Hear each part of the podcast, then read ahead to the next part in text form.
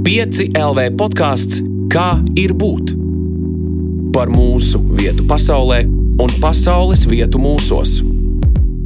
Sveiciens piecēlē podkāstā, kā ir būt. Mans vārds ir Elīna Balskara, un šī ir epizode ar nosaukumu Režīms. Jo mūsu dzīves piepilda un satur kopā ļoti dažādi režīmi. Piemēram, kad esam slimi, tad mums tiek ieteikts gultas režīms. Mūsu telefonos arvien vairāk ir ieslēgti klusuma režīmi, citās iekārtās ir ieslēgti enerģijas taupības režīmi, Un e, ir tādi režīmi, kurus ievērojot, mēs varam kļūt disciplinētāki, varošāki un arī brīvāki, taču ir arī tādi, kas vēlas mūs diktēt, brīvību atņemot. Un e, par visiem šiem un arī citiem režīmiem mēs šodien runāsim ar meiteni, kuras ikdienu palīdz kārtot e, vēl kāda cita kārtība. Un pie mums ir ciemos dāma no gaidām, un tā ir kulinārijas bloga irbene.cl autore Karolīna Latsona. Čau, Karolīna! Čau! Es pieminēju skautus un gaidas. Es pieminēju gaidas, bet es saprotu, ka tas tā parasti tiek teikts kopā. Un, um, tā ir organizācija, kuru es domāju, zinu gandrīz katrs eh, vismaz var iedomāties no kaut kādām filmām, kas ir redzētas, kur bērni skrien ar lakatiņiem un, un uh, dodas nometnēs kaut kādās un sēž pie ugunskura. Katram priekšstats ir dažāds. To es tur biju, to mums var izstāstīt arī, kas tur notiek, bet uh, varbūt mēs varam sākt no tā punkta, kur tu nonāci gaidās un kā tas notika. Jā, manā ģimenē es nonācu skautos un gaidās pateicoties savai ģimenei, pateicoties savai vecākajai māsai, kura darbojās jau no astoņu gadu vecuma. Un, uh, sākumā tas likās, ka tas nebūs man. un, uh, un tad man brālis iesaistījās, un es iesaistījos nedaudz vēlāk, kad man bija 11 gadi, ja nemaldos, kādi 15 vai 16. Un, uh, jā, pēkšņi man tas likās ļoti interesanti un ka man gribās tur būt. Un, un tad es sāku darboties. Un man, jā, pirmo reizi atceros, devos pārgājienā. Mums bija projekts noiet Latvijas jūru, Latvijas jūras krastu. Un mums bija sadalīts posmos, un nebija viegli, bet bija ļoti izaicinoši un pieredzes bagāti. Saki, tu aizgāji, un tev iepatikās, tu saprati, ka tas tomēr ir tev. Kas tad ir tas, kas tur bija tas tavējais? Tā, es teiktu, viena no galvenajām lietām ir tie cilvēki, kas darbojās, un draugi, kurus esmu ieguvusi pateicoties skautiem un gaidām. Ir, jā, tas noteikti ir šie cilvēki un, un vērtības, kas ir kas ir skautos un gaidās, kas piemīt skautiem un gaidām, kas ir uh, uzticība, godīgums, tēvzemes mīlestība, un tad arī šī ārā dzīve, kad tu daudz laika pavadi ārā, nometnēs, kā jau tu minēji, pārgājienos, un arī izglītība, kas ir uh, šīs dažādas prasmes, un arī uh, jā, mīlestība pret savu valsti pieminēja nometnes, un man prieks, jo tad vismaz ar savu eh, filmu mhm. radīto priekšstatu par skautiem un gaidām neesmu aizšāvis pilnīgi greizi, bet uh, varbūt tu vari izstāstīt, kas vēl notiek, uh, ko jūs kopā darāt un kas tad ir tas, ar ko jūs galvenokārt nodarbojaties. Jā, mm, mazākiem bērniem vai jaunākiem, kas uh, tikko sāk darboties, viņiem ir arī nodarbības. Arī mums vēl joprojām ir, bet viņas nav tik regulāras. Bet uh, pa šiem mazākiem skautiem, guntiņām, skautiem, gaidām ir, uh, manuprāt, iknedēļas nodarbības, kā kurā vienībā. Un, uh, ja šīs nodarbības pārsvarā notiek, kad ir arī skolas laiks, un, un paralēli tam ir arī rudens nometne, ziemas nometne. Un vasarā noteikti ir pa kādai nometnei, uh, un tad ir dažādi pasākumi, piedalīšanās Latvijas dienā, arī valsts svētkos. Un, uh, mm, jā. um, tu stāstīji, ka tu nonāci šajā organizācijā, šajā kopienā, man tā arī gribētu saukt, ģimenes dēļ. Vai tu vari nedaudz uh, izstāstīt, kas, nu, kas tu vispār esi, no kurienes tu nāc? Tad, mēs saprotam, ka šī ir daļa no tavas dzīves, bet tas noteikti nav viss, un tu tam pievienojies tikai 16 gadu vecumā. kas, ir, kas ir tavā pamatā, kas veido tavu ikdienu, kas to ir veidojis arī bērnībā? Tā noteikti arī ir ģimene. Mm, pateicoties vecākiem, es gribētu teikt, man ir šīs vērtības, kas man ir svarīgas, kas viens ir mana dzimtene, valsts, un tad ir vērtības kā godīgums, uzticība, draugi un uh, tradīcijas. Un tad, pateicoties droši vien vairāk māsai, ir arī šie skauti un gaidas, kur viņa bija kā piemērs man, kad man arī gribās darboties. Un, uh, Un tad jau mēs visi trīs bērni ģimenē, un tad, kad mēs atbraucam no nometnes, tad vecākiem ir dūma mākonis apkārt un uh, dūma mākonis no nometnē no ugunskura, un tad viss iesūt pirtī, nomazgāties un izmazgāt rēbes. Un, uh, jā, tas noteikti ir veidojis mani, mūsu ģimeni, arī pateicoties tam, kas darbojas skautos un gaidās. Ir bijuši dažādi ārzemju braucieni, kas man liekas arī ļoti vērtīgi, jo skauti ir lielākā jauniešu organizācija pasaulē. Mēs esam ļoti, ļoti daudz, un ka tagad jau ir draugi dažādās valstīs, un ar ko es vēl komunicēju, un var aizbraukt ciemos un redzēt arī pasauli, pateicoties tam. Kāds bija tavs sapnis bērnībā? Par ko tu sapņoji? Mm. Droši vien kļūt par dziedātāju. es pieļauju. Jā. Kur tas sapnis ir tagad? tas man šī brīža sapnis ir dzīvot Latvijā, atgriezties Latvijā un veidot ģimeni. Tu runā par atgriešanos, un uh, tu šobrīd uh, studē Itālijā. Um, studē, es teiktu, kaut ko ļoti specifisku savā ziņā. Vai tu vari pastāstīt tiem, kuri klausās mūsu sarunu, kas ir tas, ko dara Itālijā?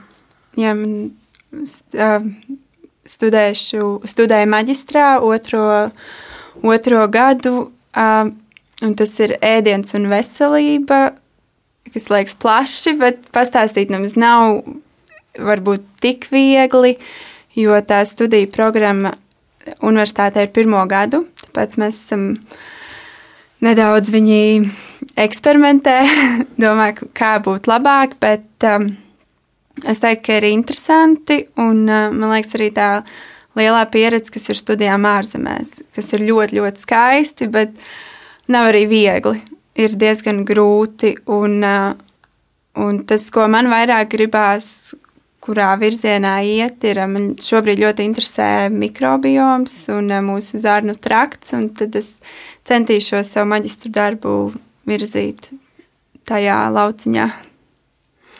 Kā tu no sapņa par dziedāšanu dziedāšanu, esi nonākusi līdz um, kulinārijai un uh, tieši jau nu, tādā veselības kontekstā. Jo viens ir droši vien kulinārija, kur mēs meklējam tikai garšas, bet es saprotu, ka tu meklē ne tikai garšas, tu meklē arī to veselīgo tajos produktos. Kā notika šī pārēja? Es teiktu, ļoti organiski. bet um, es vairāk sāku interesēties Man šķiet, ka vidusskolā, kur desmitā klase, lai gan mums eh, ģimenē tas ir eh, savā ziņā bijis, kad vecākiem ir dārsts un tu ēd eh, to, ko pats izaudzē. Mums vienmēr bija svarīga vietējā produkcija, un tas ir uzsvērts arī ģimenē. Tad es vienkārši papildus sāku vairāk pētīt, kas ir produktu sastāvā, un man aizrāva tas, no kā produkts tiek gatavots un no kurienes tas ir nācis. Protams, izai cauri visādam, ka liekas, kas ir vegānisms vai veģetārisms, līdz tu nonāc um, pie tā, kas man šobrīd liekas priekš sevis visatbilstošākais, kā ēst.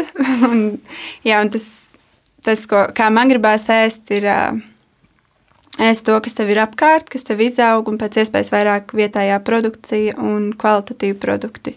Protams, tu nevari dabūt visu kafiju vai olīveļu. Mums nav Latvijā, bet maksimāli to, kas tev ir apkārt. Tu arī savā blogā un uh, kopumā tajā kulinārijā pasaulē, kā tu to reprezentē publiski, ļoti daudz runā par vietējiem produktiem, par uh, dažādām lietām, kas ir ļoti tipiskas Latvijai, es gribētu teikt, un, uh, un tam līdzīgi. Ja tev tas tik ļoti interesē, kāpēc studēt Itālijā? Tur taču kulinārija ir pilnīgi citāda. Mm man Itālija jā, uzrunā ar viņu gastronomijas, kulināro pasauli.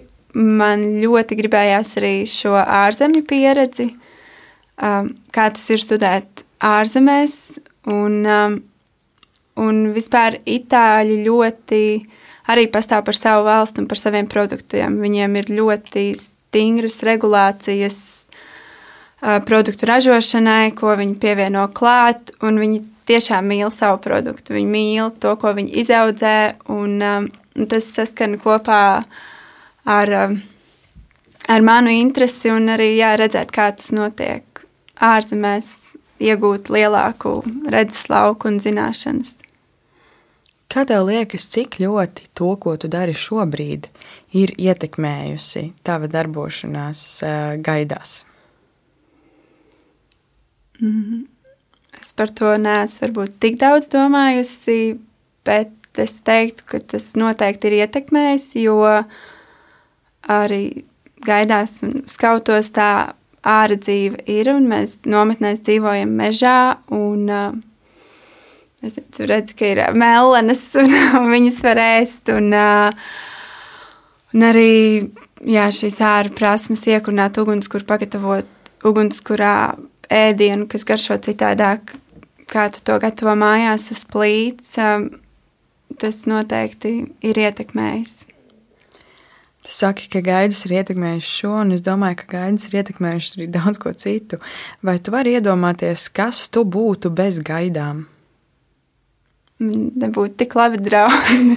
Tas draugu lokus, kāds man ir uh, skautu un gaidu draugi.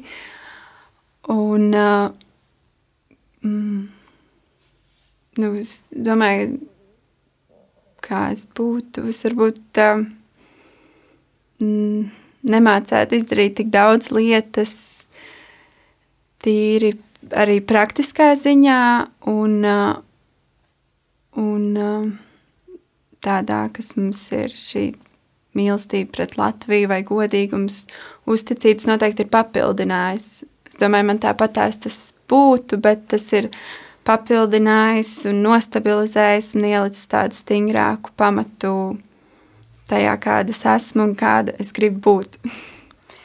Mūsu lielā tēma šai sarunai ir režīms, un mani patiesi interesē, kāds ir gaidu režīms, cik svarīgs vispār ir šis aspekts eh, jūsu darbībā. Mm. Es teiktu, viņš ir brīvs, bet ir uh, lieta ir um, darbi, kas tev ir jāpadara, vai nometnē ir režīms, kuram vajadzētu sekot, jo nu, ir dienas plāns. Es nesauktu to varbūt par režīmu, teikt, tas ir dienas plāns. Tas tāds vairāk pasākumos, kam tu seko, bet uh, it īpaši šobrīd, kad jau tu esi vecāks, um, ir tā brīvība, bet tev pašam gribās aizbraukt uz kādu pasākumu un būt. Tas nav, ka man ir uh, sadalīts, kas man ir jādara vai jāsako. Tā nav. Ir, ir diezgan brīvs režīms, bet uh, pašam gribās iesaistīties un būt klāt. Es domāju arī par to, tu pieminēji pirms tam tos pašus mazākos, kā tu viņus nosauci. Uh, Uh, Maskauts un guntiņas. Guntiņas, jā, man ļoti patīk šis vārds. Tad tu pieminēji guntiņas, maskautus, un uh, es pieļauju, nu, ka tur ir, es zinu, ka ir, ir tāda tērpi kaut kādi vai kaut kas tam līdzīgs. Formas, ir, jā. jā, ir um, nu, kaut kādi šie elementi, kas veido organizāciju. Cik daudz ir šīs lietas, kas ir, es to gribu pied, pie, piedēvēt šim vārdam režīms, bet ne tādā sliktā ziņā, it nemaz. Bet cik daudz ir šie elementi, nu, kas veido to organizāciju, kas ir tādas nu, obligātās lietas, vai, nezinu, vai tā ir kaut kāda sasveicināšanās, vai kaut kas cits, ja tu spēj tā no malas paskatīties, kas man kā pilnīgam svešiniekam varbūt sākumā liktos kā tāds mazs pārsteigums. Jā, n- noteikti tā ir. Mums ir formas, kas ir kā atpazīšanas zīme, un kuras mēs velkam. Varbūt ikdienā nē, bet pasākumos, un svētkos un nometnēs, kad ir karoga ceremonijas, kas noteikti varbūt no malas liktos interesanti, ka mēs ejam tomēr vienotā vienotā rindā uz karoga ceremoniju, un tad ir um, valsts himna un sasveicināšanās ar karogu, kur mums ir savas uh, zīmes, um, vai, ko mēs lietojam, un uh, kas varbūt no malas izskatītos interesanti, bet, uh, bet tās ir tādas lietas, ko mēs darām. Kā tev liekas, neskatoties uz to, ka ir šis, nu, šie kaut kādi noteikumi, rituāli, pārāžas tradīcijas, mm, kas ir nu, kā tāds, es negribu teikt, pienākums, jo tas izklausās traki, varbūt, bet uh, tas ir kaut kāda veida pienākums, nu, kaut kas obligāts, kas tev it kā ir jāizdara.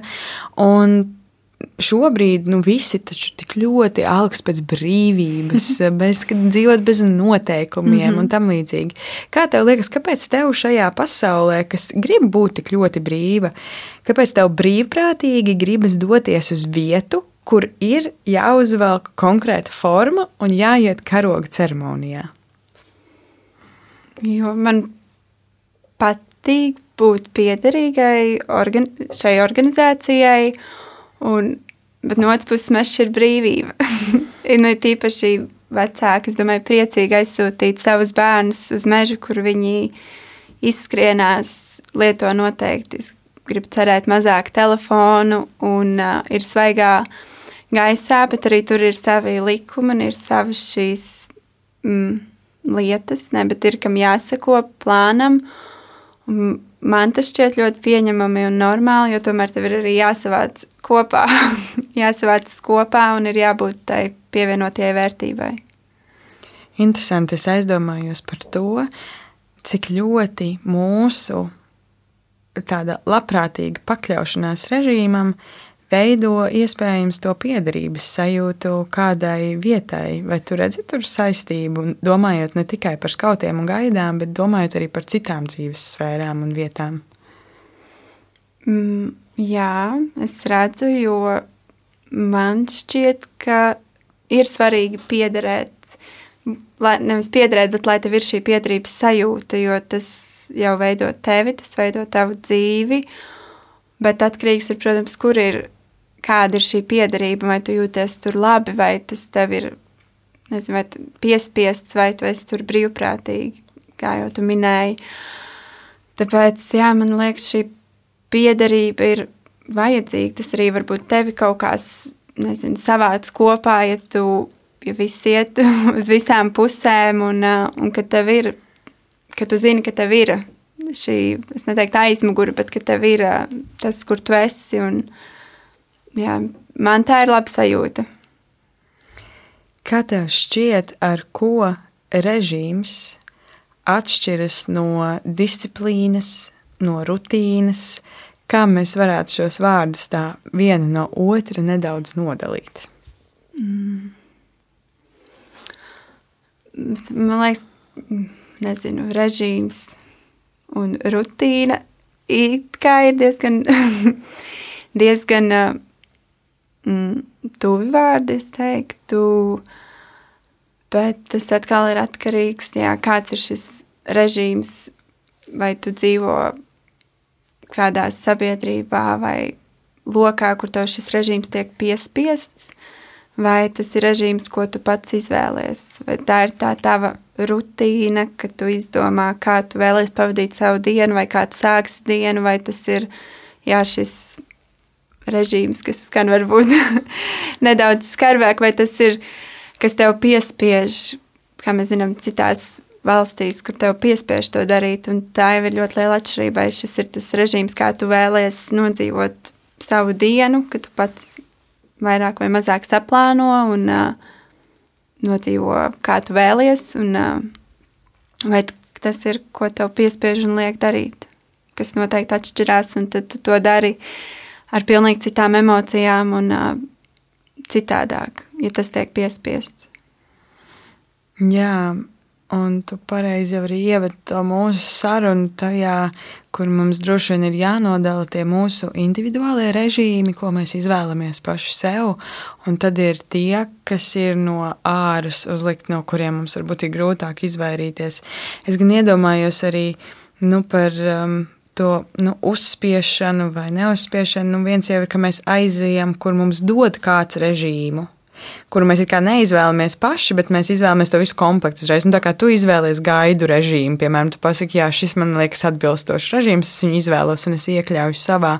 Bet arī šis gaidu režīms nu, strādā valstī, piemēram, kur arī ir kaut kādi savi noteikumi un, un likumi kas arī ir sava veida režīms. Mēs dzīvojam demokrātiskā sabiedrībā, taču šobrīd pasaulē notiek um, ārprātīgi daudz lietas, kur mēs redzam, ka cilvēki protestē pret ļoti dažādiem režīmiem, iestājas pret tiem, un ir režīmi, kas uzbrūk citiem. Ko tu domā par uh, šobrīd uh, notiekošo pasaulē? Mm. Tas noteikti nav patīkami un, uh, un ir teiktu, nesaprašana, varbūt arī dusmas par to, ka tā notiek, un ir tīpaši mums, kas mēs zinām, kā tas ir, jo citās valstīs varbūt viņiem ir, viņi saprot, un ka tas nav, ka tas nav labi, bet man liekas, mums tas ir tīpaši iet ļoti sāpīgi cauri, un uh, jā, un ir tāds, nav ļoti, jā, ir nepatīkami un ir ļoti sāpīgi, un uh, arī tāds varbūt nedaudz dusmas un, uh, un jā, neizpratne, un liekas, kāpēc, kāpēc tā notiek, un uh, jā, un tas, jā, ka citiem varbūt tas ir sāpīgi, bet viņi to nesaprot. Man ļoti patīk uh, esot ārzemēs, ja kāds pajautā par Latvijas vēsturi, man jau ir galvā tas, ko es stāstu. Man ļoti patīk to runāt, man ļoti patīk stāstīt, jo man liekas, ka ir jāzina, un daudz jau nezinu.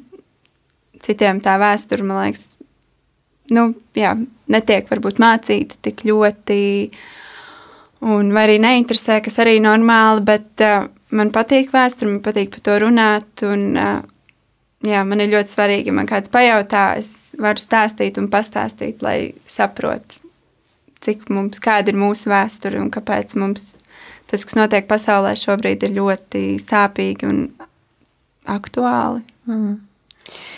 Tu pirms tam minēji, ka viena no tām tavām vērtībām, gan ģimenē, gan pēc tam, ko tu esi arī stiprinājusi, darbojoties gaidās, ir tā nu, piedrība dzimtenei, rūpes par Latviju. Um, vai tu brīdī, kad sākās karš, uh, tu gan nesaproti, bija Itālijā, jo Nē, es ne, tu vēl biji, labi, tu vēl biji Latvijā. Um, ko tu tajā brīdī domāji, vai tu būtu gatava, ja Jo visi iedomājās scenāriju, pilnīgi Jā. visi iedomājās scenāriju, kas būtu, ja tas notiktu šeit. Mm -hmm. Es domāju, ka bez tādām domām neizdzīvoja neviens. Kas bija tu, kā tu sev atbildēji šo jautājumu? Vai tu būtu gatava tajā brīdī reāli uh, iet un cīnīties, vai tu darīt kaut ko citu. Nu, jo man interesē, kā tā darbošanās arī gaidās, un tā dzīvošanās pa tiem Latvijas mm -hmm. mežiem ir ietekmējuši šo sadaļu.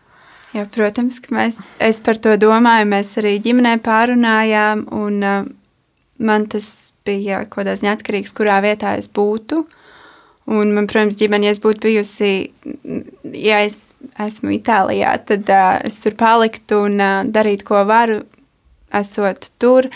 Bet, mm, jā, mēs, māsa teica, ka viņa uzreiz iet cīnīties, mēs katrs pārnājām tas, ko es nolēmu, kad es palīdzētu, bet tas varbūt būtu tur, kur es esmu vairāk spējīga, piemēram, gatavot ēst tiem, kas iet cīnīties, vai nezinu, loģistika vai kaut kāda cita veida palīdzība, ko es varētu sniegt un palīdzēt, kuras būtu daudz noderīgāk. Nevar būt pirmajā rindā cīnoties ar ieročiem, bet jā, varbūt atbalstīt un nezinu, medicīniski palīdzēt vai jā, gatavojot ēst tādā veidā. Tad nebūtu bail. Droši vien, ka būtu, bet ja man viss ģimene, tad, tad kā citādāk. Mm. Ja es domāju, kas stiprina to sajūtu un pārliecību. Tas, ka noteikti gribētos cīnīties, ka negribētos padoties tik viegli. Un tīpaši, ka mēs jau tā esam cīnījušies vairākas reizes par mūsu valsti, un ka mēs pieminam, vienmēr pasakāmies, paldies tiem, kas cīnījās. Un, un ja viņiem nebija bail, tad nu, jā, gribētos pacīnīties, vismaz cīnīties, nepadoties tik ātri. Man liekas, tā ir liela, liela drosme un uh, ir patīkami dzirdēt, ka ir cilvēki, kuriem tas ir svarīgi. Jā, ir svarīga mūsu brīvība. Par citām brīvībām, par tām ikdienas mūsu pašām. Um, Kā tev liekas, kādas ir bīstama režīma pazīmes? Un te es gribētu iedalīt divas sadaļas. Viens ir tā lielā sabiedrībā, kur, kur tev liekas, ka, ja mums valstī, kas kam vajadzētu notikt, lai tev liktos, ka šis nu, mūsu valsts iekārta sāk palikt bīstama. Un otra sadaļa ir personīgā līmenī. Kurā brīdī mūsu personīgie režīmi, tavuprāt, sāk palikt bīstami? Bet sāksim ar lielajiem.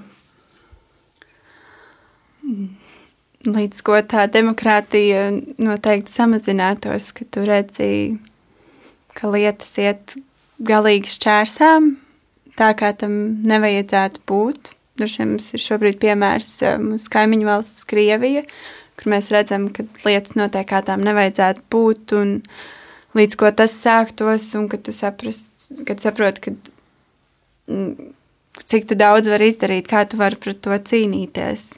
Un, un tajā brīdī, jā, kad tev sāk piespiest vairāk lietas, vai ka tu, tev nav tā demokrātiskā brīvība, un ka tā tiek ietekmēta, un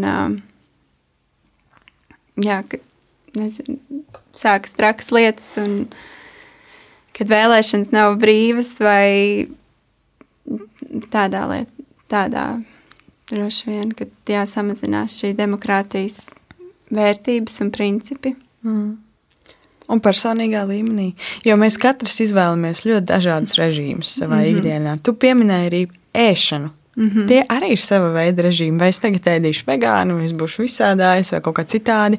Vai es celšos piecos no rīta, un tad es tur iešu skriet, un uh, varbūt es. Uh, vispār izdomāšu, nezinu, es nēdīšu tik un tik stundas no dienas. Tie ir ļoti dažādi mm. režīmi, ko šobrīd ir ļoti aktuāli izvēlēties. Kurā brīdī saprast, ka jā, šis ir foršs režīms, kas man dod tādu labu sajūtu un brīvību, kurā brīdī tas varbūt sāk kļūt bīstami šie režīmi, ko mēs izvēlamies mm. savai ikdienai. Jā, kā jau minēji, brīdī, kad tu droši vien saproti, ka tas tev nedod tādu pienesumu vai tādu enerģiju dienai, ka tu pats saproti, ka nav enerģija vai ka tu nejūties labi, kas ir ilgtermiņā. Protams, katru dienu nevar justies labi, bet kad ilgtermiņā sāk jau parādīties. Sāk parādīties, ka ir par daudz, vai miega trūkums, vai nezinu, citādi balēšanās, pieņemsim, ka tu jūti, ka nav forši, ka tu pats nejūties labi nezinu, ar sevi, tad droši vien režī, šis režīms ir jāmaina, jādomā, ko var samazināt un kā to mainīt. Jā, droši vien brīdis, kad tu nejūties vairs labi pats ar sevi, kad tu saproti, ka šitā turpināt nevar. Un ka varbūt tas arī ietekmē apkārtējos. kaut kādā veidā noteikti tavs garstāvoklis vai tavas emocijas. Arī, jā, kad tu ietekmē citus, ka tu tikai neesi ar sevi savā burbulī, bet līdz ko tas ietekmē arī citus. Un sevi vispirms, bet arī citus noteikti. Kas ir tie režīmi, ko tu esi iekļāvusi savā ikdienā, lai tu dotos pretī savam sapnim? Man mīļākā dienas daļa laikam ir rīti, tāpēc es, es nepiestrādāju, bet es izveidoju to, ka no rītiem vismaz nezinu, neliela kustība vai iztaipīšanās. Ja es esmu mājās, tad dodos peldēties no rītiem. Jā, vai neliela pastaiga, iztaipīšanās, sagatavošanās dienai un brokastis. Man ļoti, ļoti svarīgs brokastis. Tā ir mīļākā ēdiena reize. Un, jā, un tas ir tas, kas man dod, ja spēdu uz brokastis. Man ir bijis laiks sev, kā ir moderni teikt, vismaz kaut vai 5 minūtes, ka tu esi sagatavojies dienai jā, tas ir mans tas svarīgākā dienas daļa noteikti rīts. Kas ietekmē, jo tu vari arī pamosties nezinu, no slikta sapņa, vai tev pamosties ar pirmo ziņu, kas tev neiepriecina. Tad kā atkal mainīt savas emocijas, lai tu tomēr varētu to dienu pavadīt eh, priecīgāk vai kvalitatīvāk. Tu pirms tam minēji tos ēšanas režīmus, ko tu arī esi visādi testējusi, un droši vien arī citas lietas, ko tu esi savā dzīvē testējusi. Un, um, es arī esmu tāds cilvēks, kurš nereti visu kaut ko izdomā, ka šis man brīdī palīdzēs, un tad es to daru. Un tad vienā brīdī es saprotu, ka man tas vispār īstenībā nepalīdz, un tad tu to beidz darīt, un reizēm paskaties to savu pagātni, tādu mazu smieklīgu nožēlu. No Elīna, nu, ko tu izdomāji? Kāpēc tev to vajadzēja? Kas ir tās lietas, vai tu spēj atzīties šobrīd skaļi šajās lietās, kas ir bijuši kaut kādi režīmi, ko tu esi varbūt mēģinājis ieviest savā dzīvē, bet tagad, skatoties atpakaļgaitā uz to, tev liekas, tas bija bišku varbūt muļķīgi. Vai tas bija bišku pārspīlēti, vai kaut kā citādi absolūti neiederīgi tavā dzīvē? Noteikti, ka ir. Ja mēs turpinām runāt par ēdienu, uh, Un arī likās, ka forši ir būt eh, vegānam, tas bija jau ļoti, ļoti sen. Tāpat, man liekas, vidusskola, ka man vienkārši bijās izmēģināt. Bet man tas varbūt bija nedēļa. nedēļa es mēģināju, un tad es sapratu, ka tas nav man, aizejot uz tirdziņu un eh, redzot un smaržojot eh, dažādus produktus, kas nav vegāni. Tas droši vien bija, kad, jā, kad, sap, kad tu sekoji līdz tiem trendiem. Es toreiz biju čijā sēklas vai goji ogas modē, un man likās, jā, ka man arī vajag. Un tad sapratu, bet re, mums ir kā, nu, apkārt produktu, ko var lietot, un ka tas ir tik tālu ceļu mērojis. Protams, es liet, ik pa laikam lietoju, man nav nekas pret, bet tā noteikti nav ikdiena. Jā, varbūt liekas, kā tu agrāk domāji, tagad liekas. liekas iesmiet, bet tajā brīdī tas likās labi. Un uh, nav jau arī slikti izmēģināt, līdz tu nonāc tam, kā tev liekas, ka ir ok. Tu pieminēji čijas sāks un goji ogas. Um, kā tev liekas, kas ir vēl tādi, nu, kulinārie trendi, ko tu esi pamanījusi, kas ir iegājušies uh, mūsu sabiedrībā, kuri tavuprāt ir pilnībā aizstājami ar eh, kaut ko vietēju? Mm, jā, tas um, koči, ogas, čijās, sēklas. Un varbūt uzreiz var pateikt, ar ko tu aizstāt? Ko tu likt tā vietā?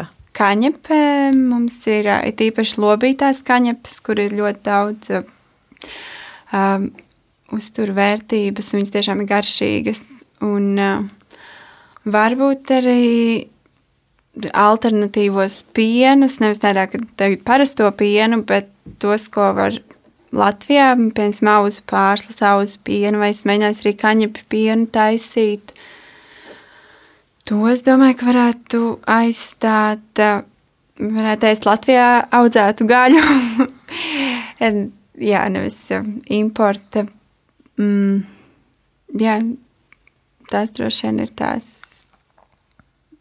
lietas, kas pirmās ēdienas, kas pirmie nāk prātā. Jā. Es nevaru šobrīd padoties tam iekšējam mm. Gastronomam, kas ir manī, man tev ir jāuzdod šis jautājums, varbūt atkāpjoties tik daudz no režīma tēmas un vairāk ieejot tavā tieši kulinārijā pieredzē, Kas tev vēl liekas, kas ir tādi mūsu vietējie produkti, kas tavuprāt ir ļoti nenovērtēti mūsu sabiedrībā? Nu, kur, ko mēs varētu pat šoreiz ne tik daudz par aizstāšanu, bet kas tie produkti, ko mēs varētu uztaisīt par tādām čio sēklām no Latvijas, bet, mm. uh, bet tas ir mūsu vietējais un tas kļūst tikpat aktuāli mūsu sabiedrībā kā kaut kas um, tik mm. trendīgs uh, pasaulē. Jā, man ļoti garšo zaļie griķi, un man liekas, mums ir kaut kur tie brūnie grīķi no skolas ēdnīcām, tāds, kas uh, neliekas tik vilinoši un simpātiski, bet viņus tāpat var likt uh, salātos kā kvinoju vai citus graudaugus, kas nāk no citām valstīm. Un tad noteikti, es teiktu, kefīrs, lai gan es nezinu, kādas ir citiem attiecības ar kefīru, bet uh, man kefīrs viens no mīļākajiem produktiem. Uh, Un, uh, un pastoties ārzemēs, viņš noteikti nav nemaz tik populārs. Arī viņiem ir super mazas pudelītes un ļoti dārgas. Viņiem tā izvēle nav. Un uh, arī kefīrā ir šīs labās baktērijas, probiotikas, kas palīdz uh, um, mikrobiomam un zarnu traktam. Un, uh, jā, man kefīrs un arī kas jau nāk vairāk modē, ir šie fermentētie produkti, un uh, mums pašiem ir skābētie kāposti, kas jau ir no vecmāmiņu laikiem, kas, uh, man liekas, jā, kas arī varbūt ir, nav tik ļoti novērtēti, skābēti produkti, un arī tāpat visi konservējumi un ievārījumi Cik daudz var paēst no šī? Vai nevis acu priekšā? jā, jā, tā zāmas pagrabu. Mm. Mm, tu pirms tam minēji, nedaudz stāstīji par to ārā dzīvi, kas ir piepildījusi tavu ikdienu, tīpaši darbojoties gaidās. Vai tu vari nedaudz vairāk pastāstīt, kā tā ārā dzīve un laika pavadīšana dabā ir palīdzējusi tev kā cilvēkam, kā personībai? Ko viens mācītājs stāstīja par tām praktiskajām lietām, mm -hmm. kas mhm. tev ir no tā, ko tas iemācījusies, bet man liekas, ka tas process māca vēl kaut ko. Jā, tā noteikti ir arī sadarbošanās ar citiem cilvēkiem, jo tu neesi viens mežā. Un jā, būt ar citiem cilvēkiem, tā miedarbība, bet tāpat laikā arī patstāvība, ka tu kaut kādā ziņā esi viens, bet tu neesi viens. Um, mm, palīdzēšana, kad jā, ka nevis tu gaidi, ka tev kāds pateiks, nav mums vakariņā malka, bet ka tu pats pamanīji un un sagatavo malku vakariņā vai izmazgā katlu. Tādas lietas, kad, jā, ka dažreiz pat bez vārdiem viss tik organiski sajiet, ka katrs pamana to vai to, un tev nav jālūdzās, lūdzu, izdari to vai izdari jā, kādas lietas, bet kad tā sadarbība jau ir tāda, ka viens, viens otru papildina un, un tev ir tiešām viegli būt tādā sabiedrībā. Man tā šķiet, mums bija pārgājiens ar manu skautu grupu aiz polārā loka, un tur es to kaut kā ļoti izjūtu, ka ir visiem grūti, viegli nav, bet jā, kad kaut kā visi viens otram palīdz, un tev nav tas, kas varbūt ietver citiem saviem draugiem, kuriem nav šī skautu pieredze, būtu bijis grūtāk, bet tur mums visiem ir prasmes vai mēs zinām, ko darīt, un tas kaut kā tik viegli, viegli noritēja šajā mm, sadraudzības ziņā, būšanā kopā, kas dažreiz nav tik viegli kompānijās, kad tu dodies ceļojumos, vienam gribās vienu lietu vai otram otru lietu, un jā, tīpaši, ja ir grūtības, tad tur tad esot ar skautiem, tīpaši tādos pārgājienos vai ekspedīcijās, tas ir, es teiktu, ļoti viegli. Tu pieminēji tādu frāzi, ka tādā sabiedrībā būt ir ļoti viegli. Tu pieminēji šo vārdu sabiedrība. Un tā tiešām ir tajā brīdī tāda maza noslēgta sabiedrības grupiņa, un tā ir tāda sava pasaulīte. Mm -hmm. Kā tev liekas, kā mēs šo vieglumu kas ir tās lietas, ko mums vajadzētu iemācīties, lai šo vieglumu mēs varētu kaut nedaudz dabūt arī mūsu visā lielajā sabiedrībā. Jo tas, ko tu saki, ka neviens negaida, ka kāds cits nomazgās katlu un vienkārši aiziet un nomazgā, mm -hmm. man liekas, ka tā ir domāšana, kas mums noderētu arī vienkāršā ikdienas dzīvē, ne tikai ar gaidām mežā. Ko mums vajadzētu darīt, lai to iemācītos? Droši vien katram ir jāsāk ar eh, sevi. Kaut vai ar tik vienkāršām lietām, kā atvērt kādam nepazīstamam cilvēkam durvis vai palaist autobusā apsēsties. Tas sākums jau ir katram pašam sev, sevī, ka tu katrs pats, jā, mums katram ir jāsāk darīt vairāk šīs labās lietas, ko man liekas, mēs jau cenšamies un sākam. Man kaut kā tā gribas domāt, ir tīpaši vairāk, varbūt mēs jaunā paudze, mēs redzam vairāk šīs lietas, kur vajag palīdzēt, un mēs cenšamies palīdzēt. Un, uh, es pieļauju, ka tā jau tas arī veidotos no mums pašiem tālāk sabiedrībā. Varbūt runāt vairāk savā draugu lokā par šīm labajām lietām un uh, pašiem veidot to pasauli, kādā mums gribās dzīvot. Kādā pasaulē tev gribas dzīvot? Ļoti labs jautājums. mm.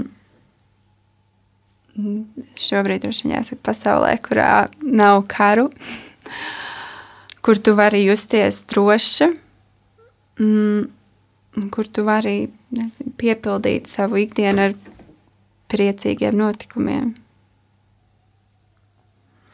Bet ko tu Ko tu tā kopumā saproti ar, ar to vārdu savienojumu padarīt pasauli labāku? Ko, ko tas nozīmē? Man liekas, ka eh, vienmēr būs kaut kas, kas nebūs labi, un mums vienmēr būs jā, jācenšas padarīt pasauli labāka. Mm.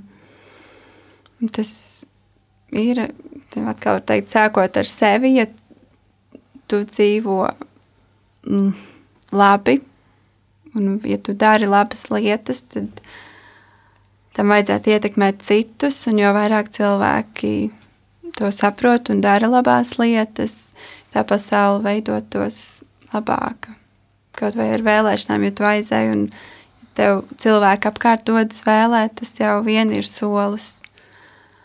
Un tā palēnām vienmēr būs kaut kas, ko ko var darīt, bet ja tu jūties labi, tas noteikti ir ietekmēt citus. Nu, tas noteikti ir darbs arī ar sevi, lai tu justos labi šajā pasaulē. Vismaz savā mazajā kaut kādā pasaulī. Tā jau nevar ietekmēt ļoti lielas lietas, kas notiek visā pasaulē. Un tad es tev došu divus scenāriju variantus. es esmu cilvēks, kurš jūtas savā mazajā pasaulītē ļoti labi. Man ir viss, kas man ir vajadzīgs. Es dzīvoju pārticīgu dzīvi, un man nekas netrūkst. Es varu nopirkt visu, ko es vēlos, aizbraukt visur, kur es gribu. Un um, kāpēc man interesēties par kādu citu? Kāpēc? Es dzīvoju labi savā pasaulē, man viss man par pārējiem vienalga. Man viss ir kārtībā. Kāpēc man vajadzētu domāt par to, ka kādam citam varbūt kaut kas nav kārtībā un palīdzēt, ja man viss ir labi? Ko mm. es teiktu tādam cilvēkam? Nekad nevar zināt, kas nu, notiks ar tevi. Man liekas, tā ir tāda atgriezeniskā saite. Ja tev ir labi, tad tev, un ja tev ir iespēja citam palīdzēt, tas ir ļoti vērtīgi ne tikai tam citam, bet arī tev pašam. Kāpēc tev pašam tas ir vērtīgi? Ko tu saņem no došanas? Mm, es saņemu daudz, daudz tieši šo emociju ziņā, un tas noteikti ir prieks, un tā ir laba sajūta, ka tu padarīsi kādu labu darbu, un ja tu vari izpalīdzēt kaut vai ar tādām nelielām lietām vai to prieku citu cilvēku acīs. Mums bija viena gada Ziemassvētkos mamma ieteica, ka mēs varētu veikalā katrs vismaz mēģināt kādam vecam cilvēkam nopirkt viņa produktu, viņa groziņā sastāvu. Man tas ļoti iepatikās. Es domāju, kā man to gribas izdarīt, bet tas nav arī viegli. Ir arī jāmāk palīdzēt un ir jāmāk pieņemt. Un, kad man tas izdevās, šis vecais kungs bija tik ļoti laimīgs, redzot to prieku, tev paliek silti ap sirdi. Jā, bet ir arī jāmāk dot. Tas nav viegli, tīpaši nepazīstamam cilvēkam un pieejot klāt. Bet tas ļoti, ļoti sasilda sirdi. Un, jā.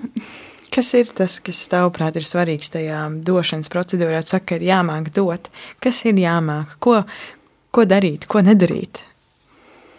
Tas ir noteikti atkarīgs arī no situācijas, bet um, ir jādod kaut vai mazumiņš, vai arī tik, cik tu vari arī noteikti nesāpinot sevi. Tu nevari visu laiku tikai dot, dot, dot. Ja tev pašam nav tik labi, ir jāmācās, ja tev vajag arī pieņemt palīdzību. Noteikti neaizrauties tik tālu, ka līdz tu pats esi nonācis tā, ka tev vajag palīdzību. Jā. Un, un te ir tas, varbūt pat otrs scenārijs, ko es tev teicu, ka es tev došu divus. Un, un tas otrs, ko es tev gribu iedot, ir um, iedomājies, ka es esmu cilvēks, kuram neiet dzīvē labi. Man daudz kas trūkst, iespējams, man ir uh, grūti sarunvalodā sakot, savilkt galus. Varbūt ir kaut kāda, nezinu, problēmas veselība vai problēmas darbā, man, nezinu, dusmīgi kolēģi vai vēl kaut kas cits. Un es bišķiņ esmu tāds apvainojies cilvēks uz šo pasauli. Kāpēc man kādam palīdzēt? Varbūt palīdzot tev parādīsies kaut vai uz to vienu brīdi smaids sejā un paliks labāks garstāvoklis, redzot, ka tu vari kādam palīdzēt, un, bet noteikti ir arī jācenšas palīdzēt sev. Tādā gadījumā nevar, nevar aizmirst par sevi, bet varbūt tu, tas cilvēks var gūt prieku dodot. Ir jau dažādas palīdzēšanas. Katram palīdz savs, bet uh, varbūt jā, tieši kādam palīdzot un iedodot, tu palīdzi sev. Kā tu palīdzi sev? jo tu, tu esi smaidīga, tu esi priecīga un uh, tu daudz uh, ied, nu, iedrošini darīt tās labās lietas. Un uh, es domāju, kā tu dari labu pati sev. Mm -hmm. Es, viens noteikti ir režīms, jau ne disciplīna, bet vēl bija rutīna. rutīna pie, pie kā tu pieturies, ja man tiešām ir svarīgi šie rīti, ja man ir svarīgs brokastis, tad es sevi neapbežoju un es pēdu brokastis un uh, es atvēlu laiku aiziet, nopeldēties vai iziet nelielā pastaigā. Uh, Es cenšos jā, ne, neap, neapbižot sevi tajā, kad jau no paša rīta uzreiz kā piecēlēs kaut ko darīt, bet es iedodu to, ka es varu pēst šīs brokastis nesteidzīgi. Mm. Jā, tas noteikti ir kaut kāda šī rutīna, pie kā es pieturos, kas, kas man ir laba, kas man palīdz, un, un tad es cenšos pie tās pieturēties vismaz šajā rīta ziņā. un, jā, un tad tik pa laikam droši vien vairāk padomāt par sevi, arī dzīvot savu dzīvi, kas nav, protams, tik viegli. Kas ir grūtākais tajā? Mm, mm, droši vien apkārtējie notikumi, kas ir dažni dažādi, gan, nezinu, pašiem savā sabiedrībā vai arī lielākā sabiedrībā, kad tev nu, ļoti daudz kas ietekmē. ka gribās varbūt būt ilgāk tajā priecīgajā noskaņojumā, bet mums daudz kas ietekmē, un uh, droši vien saprast arī, kāds tevi ietekmē. Vai tu vari tur palīdzēt, vai tu nevari tur palīdzēt, un ko tu vari darīt, un arī nedarīt droši vien pārāk daudz, līdz tas sāk tev ietekmēt, tevi ietekmēt tavu rutīnu. Tu stāstīji un pieminēji kaut kādus projektus, kaut kādas lietas, vai tu vari varbūt izstāstīt kaut kādu jauku stāstu no savas pieredzes, kur tu esi kādam devusies palīdzēt, vai um, vienkārši jā, ar, kopā ar gaidām un, un skautiem jums ir bijis kaut kāds notikums, kas tev ir sasildījis eh, iekšēji, kas tev ir iedevis to cerību un vienkārši labu sajūtu par šo pasauli tādu pieredzes stāstu? Mm. Mm, man tas laikam vairāk ir darbošanās ar šiem mazākajiem. Man tas nav šobrīd regulāri, bet tik pa laikam sanāk, ka tu noved kādu nodarbību vai jā, vairāk vai mazāk nodarbību vai pavadu laiku ar jaunākiem cilvēkiem un, un ka tev gribās ticēt, vai, vai ka tu redzi, ka tas kaut kādā veidā palīdz, ka tu varbūt, nezinu, pastāsti savu pieredzi vai stāsti vadu nodarbību, kas ir vairāk radoša un ka viņiem patīk un ka priecājās, vai atkal, kur var vairāk parunāties katrs pa savu pieredzi un ka viņi arī interesi stāsta un runā, tas ir tas, kas dod cerību un iepriecina arī par nākotni, ka tu redzi, ka ir un un ka būs, būs nezinu, vērtīgi, gudri cilvēki Latvijā. Un tagad pilnīgi otrā grāfijā es tev vedīšu un jautāšu, kas ir tā lieta, ko tu pēdējā laikā savā dzīvē esi visvairāk nu, nožēlojusi? Kādu kļūdu, kur tu esi kļūdījusies, tas ir kaut kādā veidā satricinājis, Un, lai neapstotos pie tā, ka tev tā kļūda ir bijusi, varbūt tu arī vari pateikt, ko no tās kļūdas iemācījies sev, kas beig beigās varbūt padarīja tavu dzīvi pat labāku. Kļūda. Mm. Jo ir forši vienmēr runāt par jaukajām lietām, bet mums visiem sanāk arī tās otras. Protams, ka sanāk. Mm. Um. Mm. Mm. Nē, ir, ir, bet. Eh, es um, nožēloju to, ka es šovasar ne, eh, pēdējā laikā neesmu veltījusi tik daudz laika grāmatu lasīšanai, kas, manuprāt, ir brīnišķīgs veids, kā sevi izglītot un uh, un eh, papildināt savu valodu, valodas krājumu. Es būšu diezgan briesmīgi tagad, jo es jau biju vispār uzdodot varbūt sarunas beigās jautājumu par kļūdām un nožēlām. Bet kas ir tas, ko tu nožēlo tajā? Jo man liekas, ka viens ir, nu, mēs it kā nožēlojam, varbūt, nu, man arī gribētos lasīt vairāk. Jā. Un es domāju, kas ir tas, ko es nožēloju tajā? Ne jau faktu, ka es neesmu sēdējis ar to grāmatu rokās, visticamāk, reizēm gan arī Jā. to, jo tas patīkams process var būt. Bet uh, nožēloju jau apakšā kaut ko citu. Jā, droši vien, ka, ka tas laiks ir pagājis kaut kā citādāk, jo es pirms lasot grāmatu atpūšos, man patīk lasīt grāmatu arī dabā. Un droši vien vairāk tas, ka, jā, ka ir īpaši mēs runājam, kad ir bijusi vasara un, un, un kad tu vienmēr iestēlojies to vasaru nedaudz citādāku, kā, kā tā beigās ir bijusi. Un, un kad tā vasara droši vien nemaz. Kad tā grāmatu lasīšana ir viens no tiem, kas, ja būtu bijis vairāk laika, lai savu foršu, tomēr diezgan daudz atpūtos.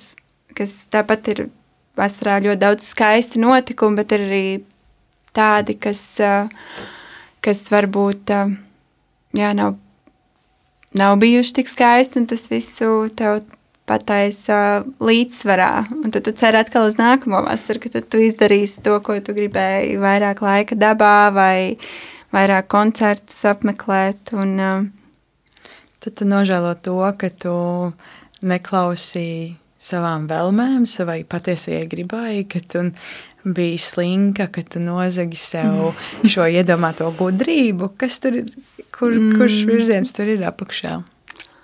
Droši vien, ka vairāk laiku atpūtai nu, ka tev liekas, tajā vasarā ir tik daudz laika atpūtē, bet viņi paiet tik ātri, un tomēr ir visādas lietas, kas jādara. Un uh, varbūt domā vairāk par citiem un mazāk par sevi. Un, uh, jā, šeit to es arī visu jūniju pavadīju bibliotēkā. Beigās man bija, varbūt nevajadzēja tik ļoti daudz. Nu, tā kā, jā, ka kaut kādas lietas, ka tā, man liekas, mums Latvijā vasara ir tas laiks, viens no skaistiem, visi gadu laiki ir skaisti, bet vasara ir tas, kur mēs vairāk cenšamies izbaudīt, ka mums ir vairāk liekas, laiks, vai mēs vis, nu, baudām vasaru vairāk, un ka vienmēr jāizdomā visādas lietas, ko gribēs darīt, un, un ka vasara beidzās, un ir ļoti daudz, kas palicis neizdarīts. Tā gadās. tā gadās. Jā. Paldies, paldies Karlīna, ka tu atnāci, ka tu pastāstīji gan nedaudz par gaidām, gan par to kulināro pasauli, kas man likās ļoti, ļoti interesanti. Un es novēlu tev um, izdarīt tās lietas, ko gribas izdarīt. Lai nav tā sajūta pēc tam, ka kaut kas ir palicis neizdarīts. Jo arī rudenī taču tik daudz ko var paspēt paveikt. Jā. Tieši tā, paldies! Paldies tev, ka tu mūs, man liekas, tā gaiši iedvesmoji, un paldies arī tev, ka tu klausījies. Mēs um, tiekamies, es ceru, jau pēc nedēļas nākamajā epizodē, un lai to nepalaistu garām, piesako, kā ir būt tajā straumēšanas platformā, kur tu mūs klausies. Meklē mūs arī Latvijas radio lietotnē. Tur arī var ērti saņemt jaunumus par svaigākajām epizodēm. Bet pagaidām es saku atā.